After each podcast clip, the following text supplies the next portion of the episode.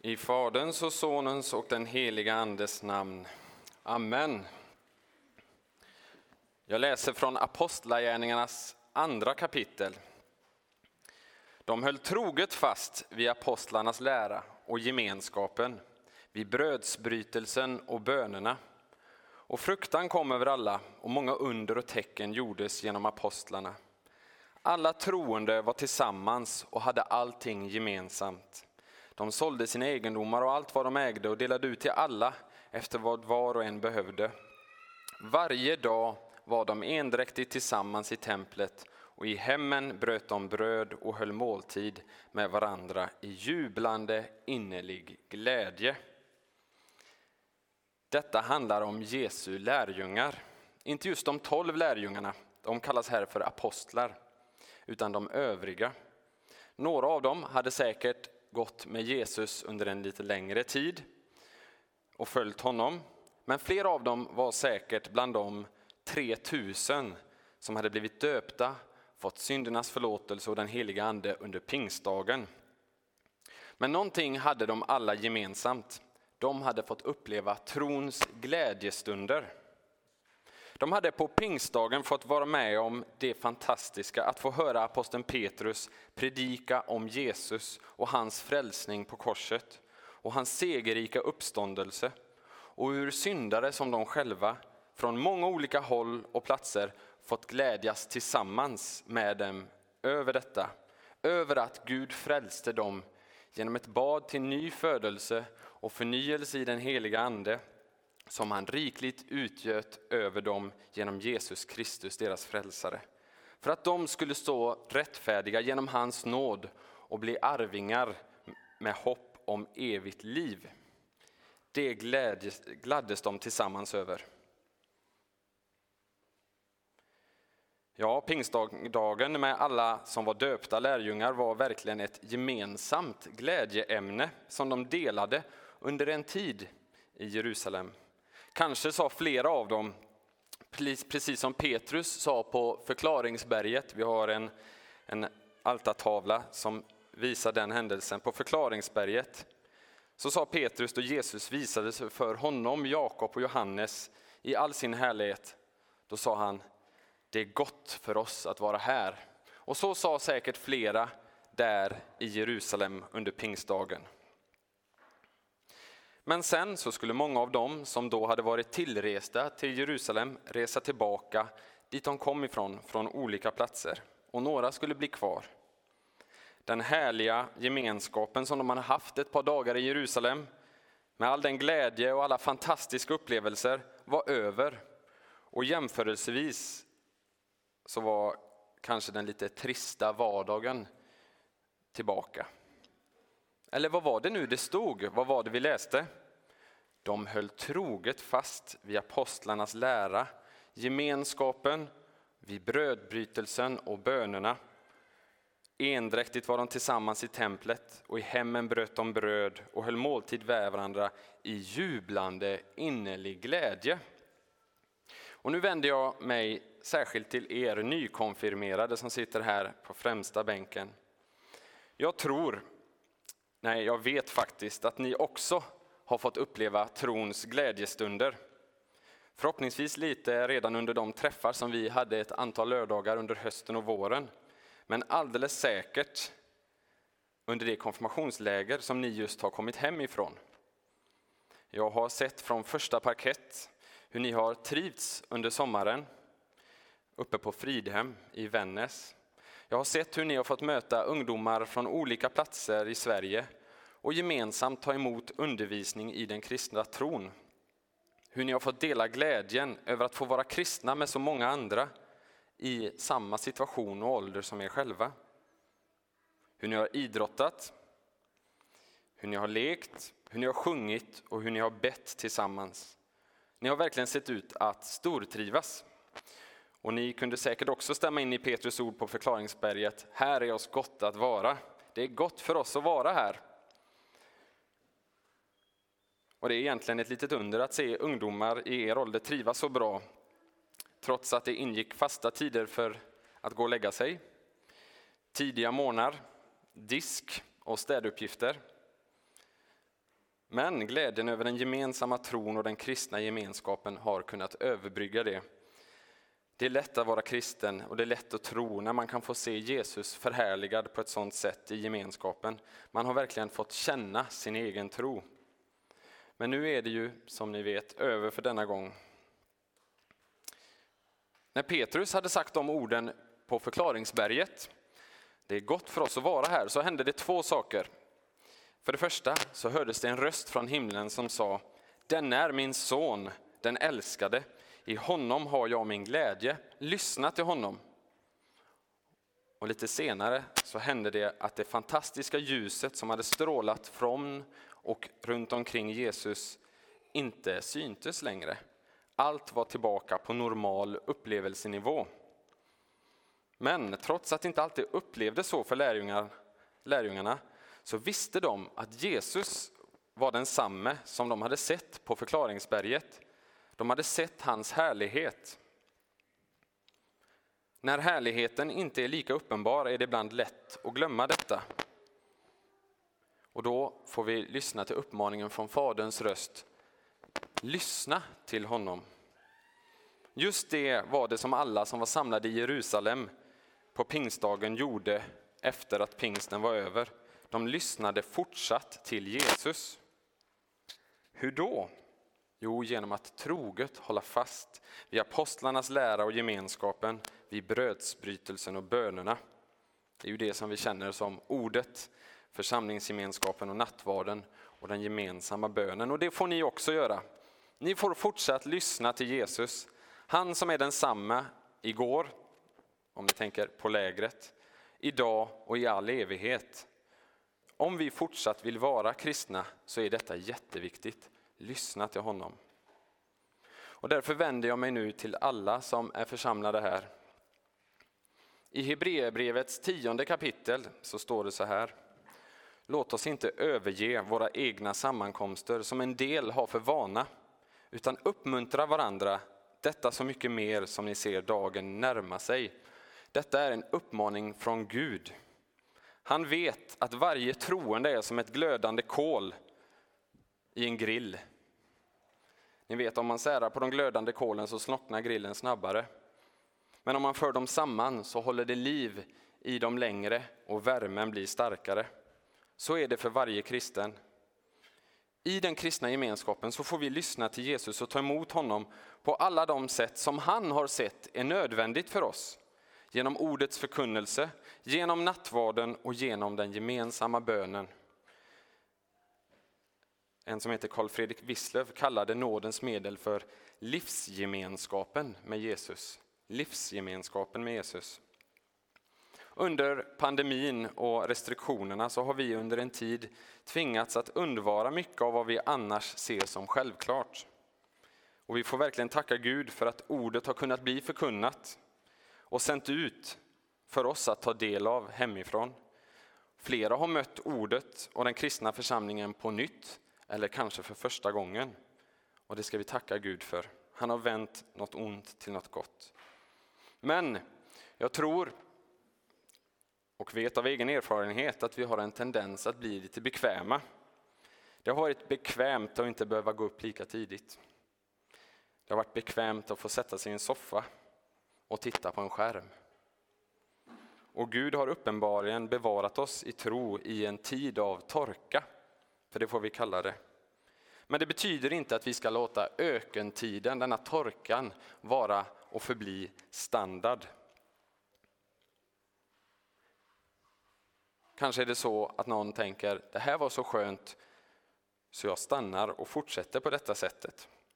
Men låt oss inte överge våra egna sammankomster. För vissa så är det inte bekvämligheten i soffan som är problemet. Utan anledningen till att man eventuellt skulle överge sammankomsterna och hålla sig undan, det är personerna där. Man kanske tycker att folk är knepiga och besvärliga. Eller formerna för sega eller för hippa. Det finns mycket man kan hitta och klaga på i en samling av människor, också bland kristna människor. Men låt oss inte överge sammankomsterna utan uppmuntra varandra.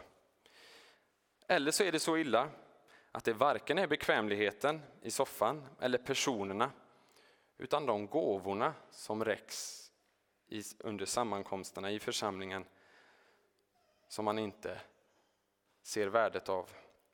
Att man inte ser värdet av att lyssna till Guds ord och ta emot förlåtelsen i nattvarden. Men Gud har själv kallat och församlat oss till varandra. Han har själv upplyst oss med sina mångfaldiga gåvor där vi får styrka för vår tro. Och han har gjort det för att han vet att vi behöver det. Och om vi förstår detta, om vi vet detta, så ska vi inte förakta hans stora godhet, hans mildhet och tålamod och bekvämt ställa oss oförstående till att det är hans godhet som för oss till omvändelse. Vi behöver varandra. Vi behöver hans ord och hans gåvor i sakramenten. Vi behöver få komma inför honom och be om förlåtelse. Så låt oss nu göra det tillsammans.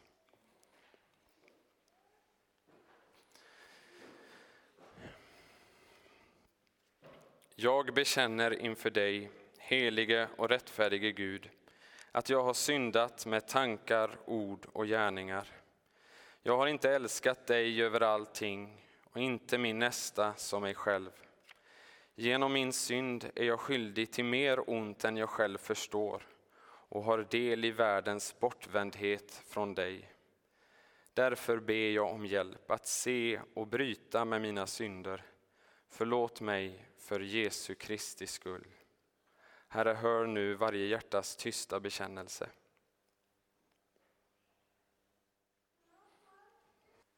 Till dig som ber om dina synders förlåtelse säger jag på Jesu Kristi uppdrag.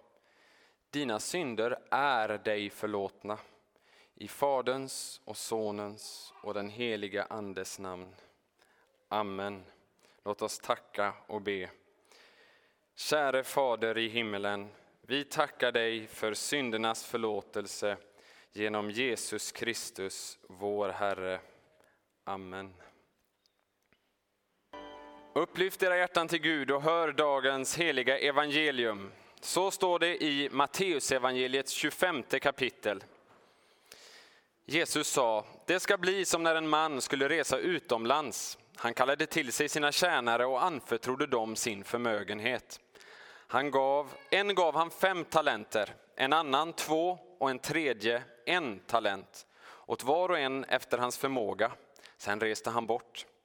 Den som hade fått fem talenter gick genast och gjorde affärer med dem och tjänade fem talenter till. Den som hade fått två talenter tjänade på samma sätt två till.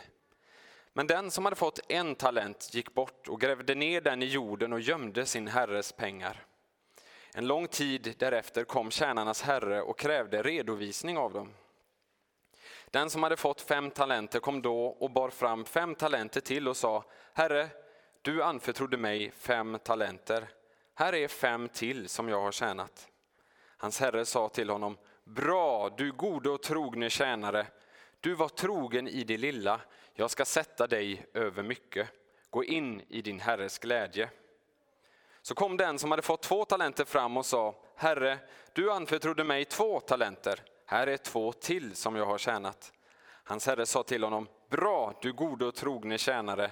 Du var trogen i det lilla, jag ska sätta dig över mycket. Gå in i din herres glädje. Även den som hade fått en talent kom fram.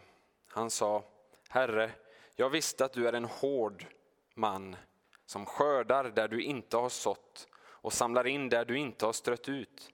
Jag var rädd, så jag gick och gömde din talent i jorden. Här har du vad som är ditt. Hans herre svarade honom, du usle och late tjänare. Visste du att jag skördar där jag inte har sått och samlar in där jag inte har strött ut, då skulle du ha satt in mina pengar på banken så att jag hade fått igen det som är mitt med ränta när jag kom hem. Ta nu ifrån honom talenten och ge den till honom som har tio talenter. Var och en som har ska få och det i överflöd, men den som inget har, han ska bli fråntagen också det han har och kasta ut den oduglige tjänaren i mörkret här utanför. Där ska man gråta och gnissla tänder.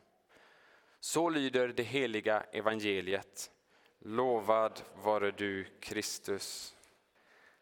Tjäna varandra, var och en med den nådgåva som han har fått, som goda förvaltare av Guds mångfaldiga nåd. Den som lyssnade uppmärksamt på dagens textläsningar känner igen dessa ord från episteltexten som vi läste. Petrus talar om Guds mångfaldiga nåd, en nåd som tar sig uttryck på flera olika sätt. Men vad betyder ordet nåd egentligen? Ja, det skulle vi kunna säga jättemycket om. Men kort sagt kan man säga att nåd, det är det man får utan att man har förtjänat det. I Gamla Testamentet så översätts ofta ordet, och nu är jag inte helt säker på uttalet här, chesed, med nåd. Och det är ungefär också vad vi kanske skulle kalla för råge. När någon har beställt och betalat för ett mått av någonting så kan de få utöver vad de har betalat för. De kan få med råge. Vi kan tänka på när man beställer tre kulor med eh, glass och den som står i glasskiosken gör tre gigantiska överdimensionerade kulor som håller på att trilla av struten. Man har betalat, förtjänat för tre standardkulor. Men man får betydligt mer än så. Och det man får som är utöver det man har betalat för, det är chesed. Det är nåd. Och Gud, han ger oss mycket utan att vi har förtjänat det. Han ger det till oss. Men han vill också att hans gåvor ska användas på ett sätt som är i enlighet med hans goda vilja för oss. Dagens evangelietext från, är från Matteus 25 kapitel.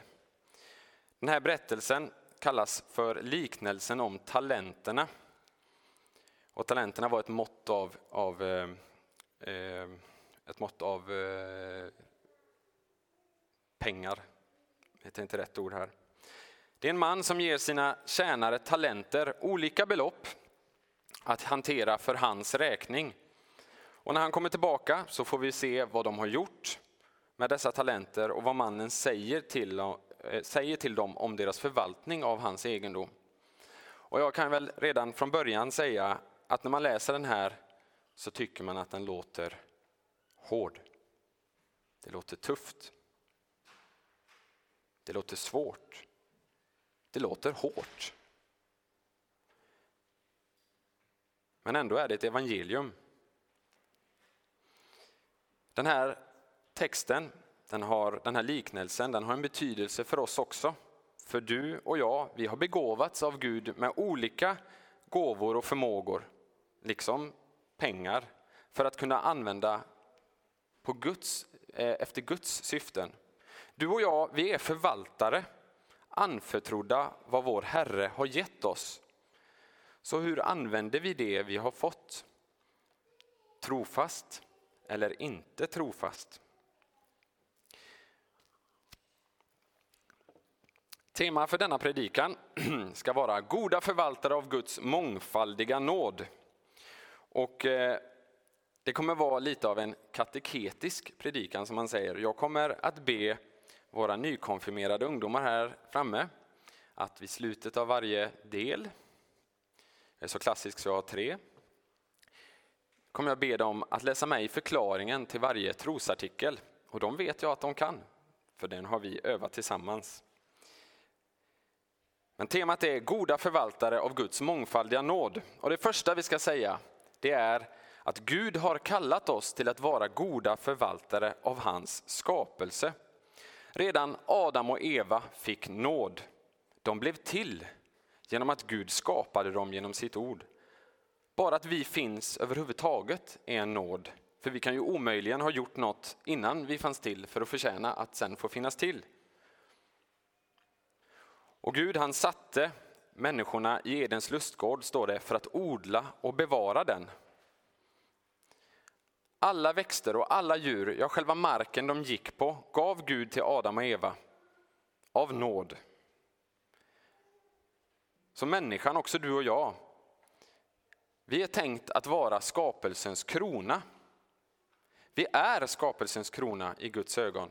Vi är det högsta, det vackraste som han har skapat.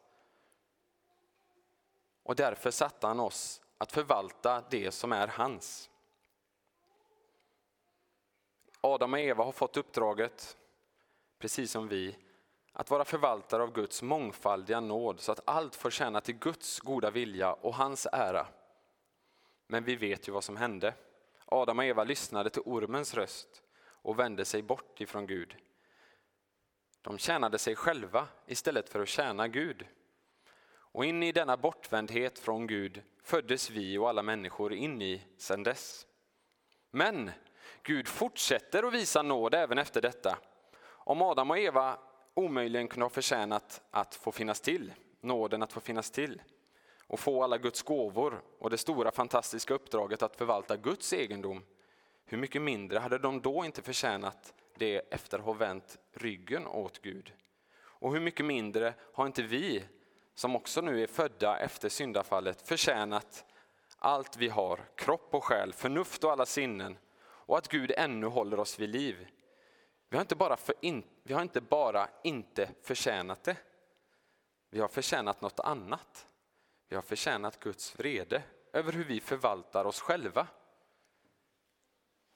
och Guds övriga skapelse för egen vinning och för egoistiska motiv. Nej, vi har varken förtjänat Guds nåd eller är värdiga den. Det faktum att Gud uppehåller oss och våra liv visar att han gör det endast av faderlig, gudomlig godhet och barmhärtighet.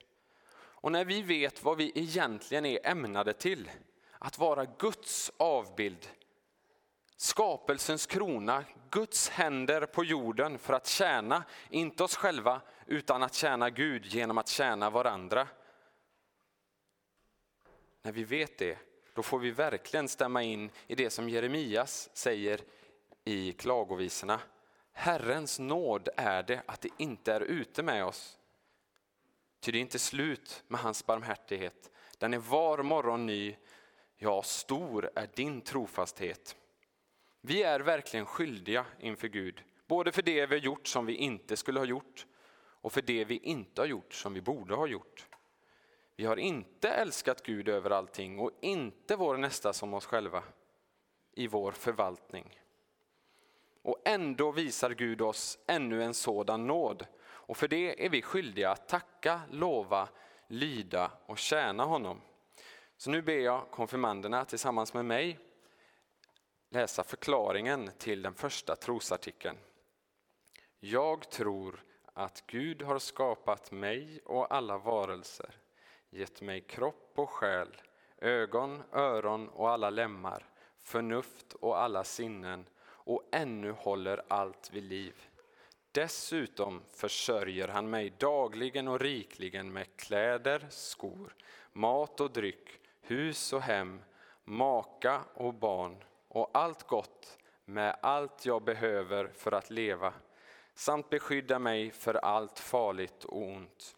Och allt detta gör han endast av faderlig, gudomlig godhet och barmhärtighet utan att jag har förtjänat det eller värdig det. För allt detta är jag skyldig att Det är verkligen sant. Tack så mycket. För det andra, Kristus har friköpt oss till att vara förvaltare av hans egendom. Vi som är kristna har all anledning att fråga oss själva, hur kan jag tjäna Gud i den situation som jag är satt i, med de gåvor som jag har fått? För vi är kallade tillbaka till det som är människans egentliga uppgift, att vara goda förvaltare av Guds mångfaldiga nåd. Och på skapelsens plan så har vi alla, precis som i liknelsen, fått olika mycket att förvalta. En fick i liknelsen fem talenter, en fick två och en fick en. Men av oss alla, liksom för de tre tjänarna, så förväntas att vi är goda förvaltare av det vi har fått. Detta att liknelsen talar om olika mycket att förvalta, det visar oss att Jesus här inte talar om frälsningens grundläggande gåva, eftersom det är ju detsamma och lika för var och en av oss. Liknelsen talar snarare om de olika gåvor och förmågor och möjligheter som Gud ger oss, eftersom de varierar. Det är inte detsamma för alla kristna. Men även om frågan eh, om frälsningen och tron inte är det som är det som förvaltas i denna liknelsen så är det inte något vi kan hoppa över. För det är nämligen helt avgörande. Frälsningens gåva är helt avgörande för hur vi sen förvaltar det vi har fått. Vi läste i evangelietexten. Den som hade fått fem talenter gick genast och satte dem i omlopp och tjänade fem talenter till. Den som hade fått två talenter tjänade på samma sätt två till. Om den första så sägs det att han var ivrig och genast gick iväg för att om möjligt förvalta sin herres egendom. Och det var samma med den andra tjänaren. Man skulle ju kunna tänka att de borde vara lite mer försiktiga. Det är trots allt inte deras pengar. Det lånas ut till dem, det lånas ut till oss. För att användas enligt Herrens önskemål. Idén med förvaltning är just det att vi inte förvaltar det som är vårt eget, utan allt tillhör vår Herre. Jorden och allt som uppfyller den tillhör Herren, världen och de som bor i den, läser vi i Saltaren. Vi är hans förvaltare. Vi hanterar de resurser som han anförtror oss. Och vad som krävs av en förvaltare är att han är trogen. Och liknelsen om talenterna den visar hur det ska vara i Guds rike medan vi väntar på Kristi återkomst. Och poängen är att medan vi väntar på Kristus, så att han ska komma tillbaka, så finns det saker för oss att göra. Det är inte bara en slapp väntan. Men här skulle man än en gång då kunna tänka sig att de som var så ivriga att förvalta Guds egendom borde ha tänkt sig för. De visste ju att de lika gärna kunde bli av med Herrens egendom och förlora dem på en dålig investering. Man tänker att det kanske skulle ringa en liten klocka som sa, men du vet ju hur dåligt det har gått förr. Ska du verkligen göra detta? Ända sedan Adam och Evas fall så har vi människor i princip på varje område misslyckats. Vi är inte så goda förvaltare, tvärtom. Guds rättmätiga förväntningar på oss människor, vi som är skapade till hans avbild, är att vi ska älska honom Gud av hela vårt hjärta och vår nästa som oss själva och att det ska ta sig uttryck i hur vi förvaltar de gåvor som vi har fått. Men den förväntan vet vi av erfarenhet att vi inte kan leva upp till. Synden som bor i oss, djävulen som vill förleda oss och döden som vill sätta ett stopp för oss gör att vi inte kan motsvara den förväntan. Guds förväntan, Guds lag känns som en fiende. Den påminner oss om allt som inte har gått rätt till och allt som vi misslyckas med. Ja, det blir som en fiende tillsammans med synden och döden och djävulen. Som håller oss fångna. Och vi gör vad vi kan under rädsla, under fruktan. För vi vet att det här kommer inte räcka. Och vi har redan ett långt skuldebrev som vittnar mot oss om våra synder mot Gud. Men ändå så är dessa två tjänare i liknelsen ivriga och går genast iväg för att förvalta. Och varför gör de det? Jo, därför att de känner sin Herre. Sakarias, Johannes stöparens pappa, han brast ut i en lovsång efter att han hade fått tillbaka sin röst. Och han sjöng så här. Han, Gud, har visat barmhärtighet mot våra fäder och tänkt på sitt heliga förbund enligt den ed han gav vår fader Abraham, att vi, frälsta ur våra fienders hand, skulle få tjäna honom utan fruktan, i helighet och rättfärdighet inför honom under alla våra dagar. Och Det här handlar om de som tillhör Kristus, som tror på honom. De som tror på honom vet att han på korset återlöst, friköpt och vunnit mig, förlorad och fördömda människa. Från alla synder, från döden och djävulens makt. Han har förlåtit oss alla överträdelser och strykit ut det skuldebrev som vittnar med sina krav mot oss. Det har han tagit bort genom att spika fast det på korset. Och Jesus fullständigt rättfärdiga liv, hans förvaltarskap, hans rättfärdighet, den blir tillräknad mig. Och om det är så, om det nu är så att Jesus har frälst mig från mina fienders, synden, döden och djävulens våld, från deras hand, så kan jag som Sakarias sjöng tjäna honom utan fruktan. Jag kan liksom de två första tjänarna genast ge mig iväg och göra bruk av de gåvor, de förmågor och de situationer som Gud sätter mig i. För jag känner min Herre och min Herre känner mig. Han har gett sitt liv för mig. Jag är fri. Och han vill att jag på nytt frimodigt ska förvalta det jag har fått utan fruktan. Jag får leva under honom i hans rike och tjäna honom i en evig rättfärdighet, oskyldighet och salighet. Så de som genast gav sig av och förvaltade sin herres egendom, det är de som känner sin herre. De står som exempel på kristna som känner sin herre och därför frimodigt gör bruk av de gåvor de har utan att känna fruktan från Guds sida eller från människors sida. För de känner sin herre. Det är de troende. De som ser och känner sin herre och vad han har gjort. Låt oss tillsammans läsa den andra trosartikelns förklaring.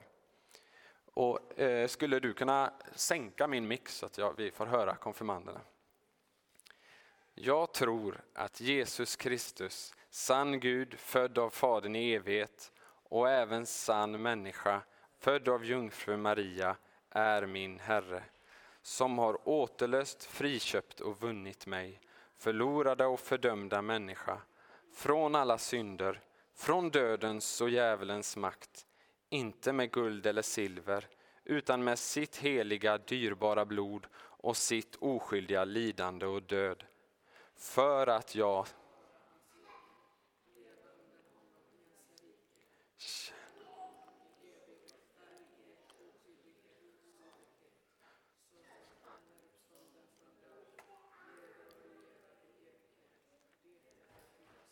Ja, det är verkligen sant. Jesus har återlöst, friköpt och vunnit oss för att vi ska kunna tjäna honom i evig rättfärdighet, oskyldighet och salighet. Det har han gjort. Det var därför han gjorde det. Och då säger vi för det tredje och sista. Kristus har anförtrott oss försoningens ord.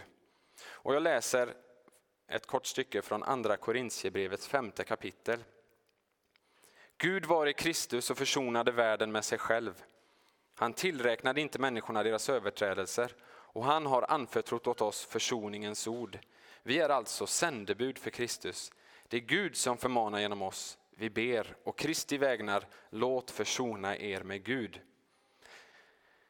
Det Kristus har gjort på korset gjorde han för att vi skulle få tjäna honom utan fruktan. Och ordet om det, budskapet om det kallas för försoningens ord. Och ett annat ord för försoningens ord är evangelium. Och det här försoningsordet, det som säger att på grund av Jesu liv och Jesu död så kan vi frimodigt träda fram inför Gud. Det är något som vi får ta emot i tro. Det skuldebrev som vittnar emot oss, det finns inte längre. Då någon tar emot vad Jesus har gjort så ser Gud inte längre vår synd. Han ser oss, men han ser också Kristi perfekta förvaltning. Den som tror på Sonen har evigt liv. Men den som inte lyder Sonen ska inte se livet, utan Guds vrede blir kvar över honom. Det läser vi i Johannes, brev, Johannes evangeliets tredje kapitel. När Herren i liknelsen återvände så rapporterade alla tre in och berättar för Herren hur de har förvaltat. I de två första fallen, de som frimodigt tjänat honom utan fruktan, så blir svaret till dem, bra gjort du trogne tjänare, du har varit trogen i det lilla. Jag ska sätta dig över mycket, gå in i din Herres glädje. Och här ser vi en mycket nådig och generös Herre. Det var hans nåd och generositet som från början gav dem något att förvalta, något att arbeta med. Det var hans egendom de hanterade, inte sin egen. Och så är det för oss alla. Och dessutom så har Gud frälst oss i Kristus för att leva under honom i hans rike och tjäna honom. Ännu mer nåd. Kristi heliga dyrbara blod har friköpt oss och vunnit oss. Han frälste oss genom ett bad till ny födelse och förnyelse i den heliga Ande som han rikligt utgöt över oss genom Jesus Kristus, vår frälsare. Men så har vi ju mannen i liknelsen som inte gör någonting med den talent han fick att förvalta. Istället så gömmer han sin herres egendom som har blivit anförtrodd åt honom genom att gräva ett hål och begrava den. Och han förklarar sig med att han var rädd för sin herre. Han kände fruktan han hade inte tagit emot försoningens ord om Kristi rättfärdighet och Guds nåd. Han tror inte.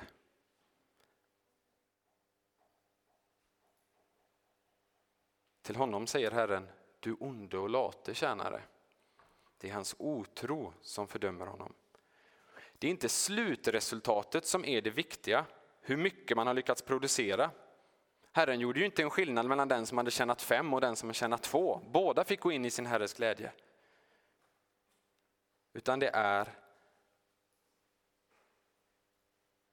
Det handlar om att man har tagit emot försoningens ord som gör att man tjänar sin Herre utan fruktan. Om den tredje mannen hade förvaltat sin talent men misslyckats totalt, förlorat den, så hade han ändå visat att han kände sin Herre, att han hade tagit emot försoningens ord. Men nu hade han inte det. Han trodde inte Guds nåd för Jesus skull och därför så var Herren vred på honom. Skillnaden mellan de två första och den tredje tjänaren var alltså inte främst hur mycket de har lyckats producera, hur bra de har lyckats, utan om de kände sin Herre eller inte. Och hur är det då med oss? Försoningens ord om att Gud för Jesu Kristi skull är välvilligt inställd till oss räcks ju oss också på flera olika sätt. Genom vårt dop, genom det förkunnade ordet och genom nattvarden. I dopet och nattvarden är det det synliga ordet. Och det här ordet har vi fått att förvalta på det sätt som vår Herre önskar. Han vill att vi ska höra det om och om och om igen, för det är så lätt för oss att gå in under den fruktan för Gud som inte sker i tro utan tvärtom. Det krävs av en förvaltare att han är trogen. Låt oss inte gräva ner dessa stora gåvor. Låt oss istället frimodigt göra bruk av de medel som Gud använder för att ständigt påminna oss om sin nådiga inställning till oss för Jesus skull. Genom ordet och sakramentet så stärks vår tro och det kommer i sin tur att stärka vår trofasthet. Och för att vara en trogen förvaltare så behöver vi en pågående påminnelse av Gud så att han kan fånga upp oss då vi faller. Och dessa medel för nåd är det den heliga Andes gåvor till dig som han har gett dig för att upplysa dig och göra dig till den trogne förvaltare som Gud har tänkt att du ska vara, vill att du ska få vara. Nåd på nåd på nåd. Tills vår Herre återkommer kommer han stärka dig för sin tjänst och förvaltning. Och när han återvänder så kommer han att berömma dig med dessa ord. Bra, du gode och trogne tjänare. Du har varit trogen i det lilla. Gå in i din Herres glädje. Och vi läser tillsammans. Jag tror att jag inte av mitt eget förnuft eller kraft kan tro på Jesus Kristus min Herre eller komma till honom. Utan den heliga Ande har kallat mig genom evangelium, upplyst mig med sina gåvor, helgat och bevarat mig i en rätt tro. Så som han kallar, församlar, upplyser och helgar hela kristenheten på jorden och bevarar henne hos Jesus Kristus i den enda rätta tron. I denna kristenhet förlåter han dagligen och rikligen mig och alla troende alla synder och ska på den yttersta dagen uppväcka mig och alla döda och ge mig och alla som tror på Kristus evigt liv. Det är verkligen sant. Ära vare Fadern och Sonen och den heliga Ande, så som det var av begynnelsen, nu är och skall vara, från evighet till evighet. Amen.